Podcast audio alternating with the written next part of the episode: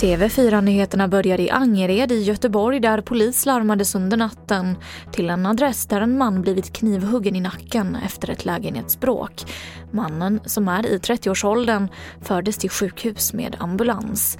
Hans skador bedöms inte som livshotande enligt polisen och en person har gripits misstänkt för mordförsök.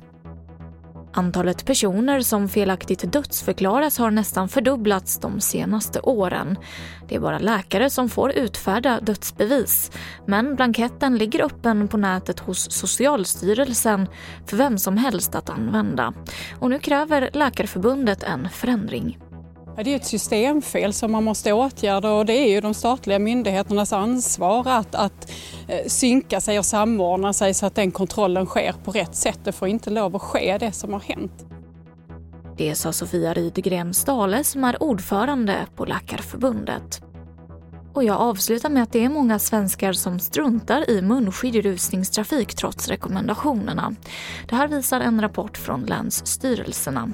Och på vissa håll i landet så används det bara av var tionde resenär. Och det var det senaste från TV4 Nyheterna. Jag heter Emily Olsson.